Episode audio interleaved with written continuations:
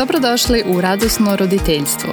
Ja sam Ana, a ovo je podcast u kome pričamo o svim temama vezanim za roditeljstvo i koji vam nudi ideje i inspiraciju kako biste pronašli još više radosti u roditeljstvu i uživali u svojoj deci. Mišljenja koje iznosim u podcastu baziraju se na naučnim istraživanjima iz oblasti psihologije i dečijeg razvoja, a pre svega na primerima iz stvarnog života i mom ličnom iskustvu sa mojom decom. Hvala što ste tu.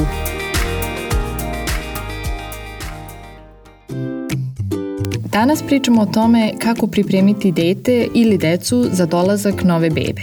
Ako očekujete bebu, čestitam. Nadam se da se dobro osjećate i da će sve proći bez problema.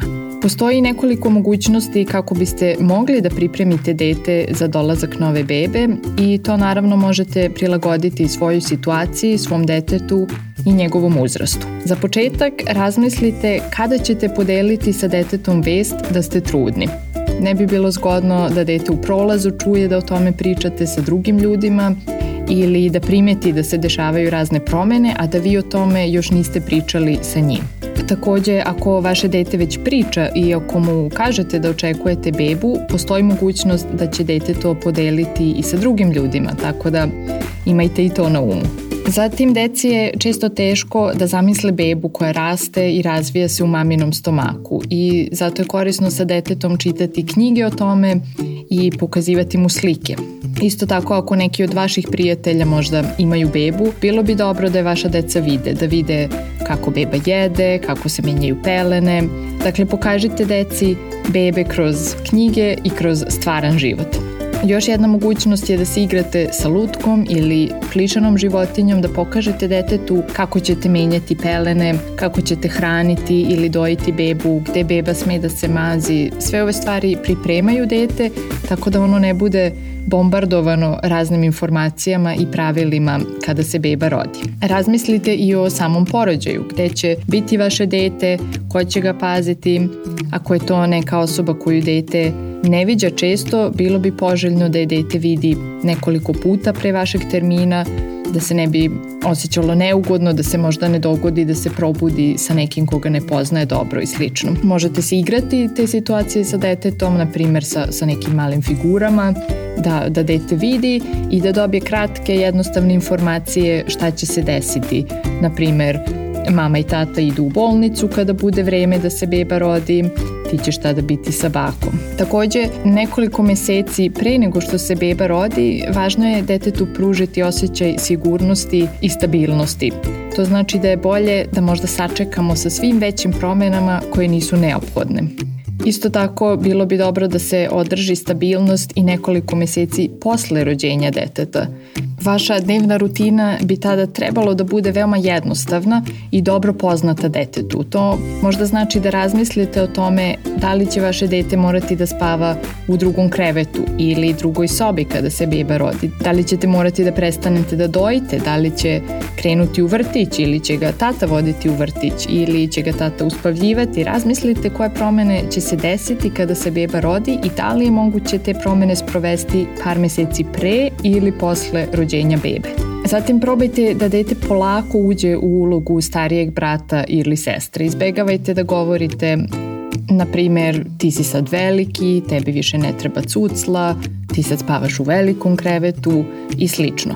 Dozvolite da se ta promena desi postepeno, jer je starijem detetu u stvari upravo potreban osjećaj da je još uvek vaša beba. U knjizi Braća i sestre bez suparništva Adel Fajber piše o tome da zamislimo kako bismo se osjećali da naš muž kaže Ljubavi, imam divnu vest, dovodim kući moju jako simpatičnu jako slatku mlađu ženu i mi ćemo sada svi živeti zajedno, bit će jako zabavno, vidjet ćeš. Zamislite te osjećaje ljubomore, tuge, besa koje bi to moglo da izazove. Poenta je da razumemo da brat ili sestra mogu da budu nešto uzbudljivo i predivno i isto tako mogu da predstavljaju pretnju i neprijatnost i nešto što starije dete ne želi. I oba ova osjećaja postoje zajedno. To je nešto što treba da znamo i da dozvolimo. Ne bi trebalo da teramo starije dete da bude srećno što se beba rodila. Neka deca su uzbuđena i radosna pre nego što se beba rodi, a kada se beba rodi to se promeni. Kod neke dece je obrnuto U svakom slučaju, mi kao roditelji moramo nastojati da razumemo da je svaka reakcija na bebu, svaki osjećaj validan i da jeste teško izgubiti poziciju najmlađeg ili se snaći u situaciji kada roditelji odjednom imaju manje vremena, kada su zauzeti, umorni i slično. I tu je naša uloga da dozvolimo osjećanja, da ih razumemo i potvrdimo, da kažemo, na primer, znam da nije uvek lako biti starija sestra, i da pokažemo svom detetu da se naša ljubav nije podelila, nego udvostručila. Takođe, trebalo bi da izbegnemo da govorimo ti si sad velika, ti moraš da pomažeš. Ako dete samo hoće da pomogne, to je divno i pokazat ćemo da to cenimo, ali ne bi trebalo da zahtevamo pomoć. Pokušat ćemo da motivišemo starije dete na pozitivan način, ali ako ga teramo, to može da bude kontraproduktivno. Zatim iskoristite svaku priliku pre rođenja bebe da se povežete sa starijim detetom. Posvetite mu pažnju tako da na taj način bude zasićeno kada beba dođe. Takođe i kada se beba rodi, probajte da sa starijim detetom imate specijalno jedan na jedan vreme što češće. Znam da to nije uvek lako, ali će puno pomoći da vaš odnos ostane čvrst i blizak. Često se desi da iako imamo pomoć, ako su možda bake ili deke u mogućnosti da dođu kada se beba rodi, oni budu ti koji sa starijim detetom provode vreme. Oni ga možda vode na neke izlete, u park, igraju se s njim. U stvari bi bilo poželjno da barem ponekad bude obrnuta situacija, da možda baka pridrži bebu dok se vi igrate sa starijim detetom ili čitate ili možda odete u kratku šetnju. Česta pojava je da starije dete pokazuje znake regresije, znači da se ponaša mlađe nego što jeste, da traže da bude stalno uz vas. Ako je možda dete već koristilo nošu, možda će se ponovo dešavati nezgode, možda će sve skupa detetovo ponašanje biti zahtevnije i izazovnije. To je nešto što je normalno, što možete očekivati i što je prolazno. I na kraju još jedan savet. Znam da to zvuči nemoguće, ali brinite o sebi što je moguće više. Kao što znate, imat ćete manje vremena, manje ćete spavati, ali ako je moguće nađite ili prihvatite svaku pomoć tako da vi imate momente kada ste sami, kada se odmarate ili radite nešto što vam donosi radost. Ako imate još neki predlog ili ideju u vezi sa tim kako pripremiti dete na dolazak brata ili sestre, javite mi najbolji način da stupite u kontakt sa mnom je preko web stranice radosnoroditeljstvo.com.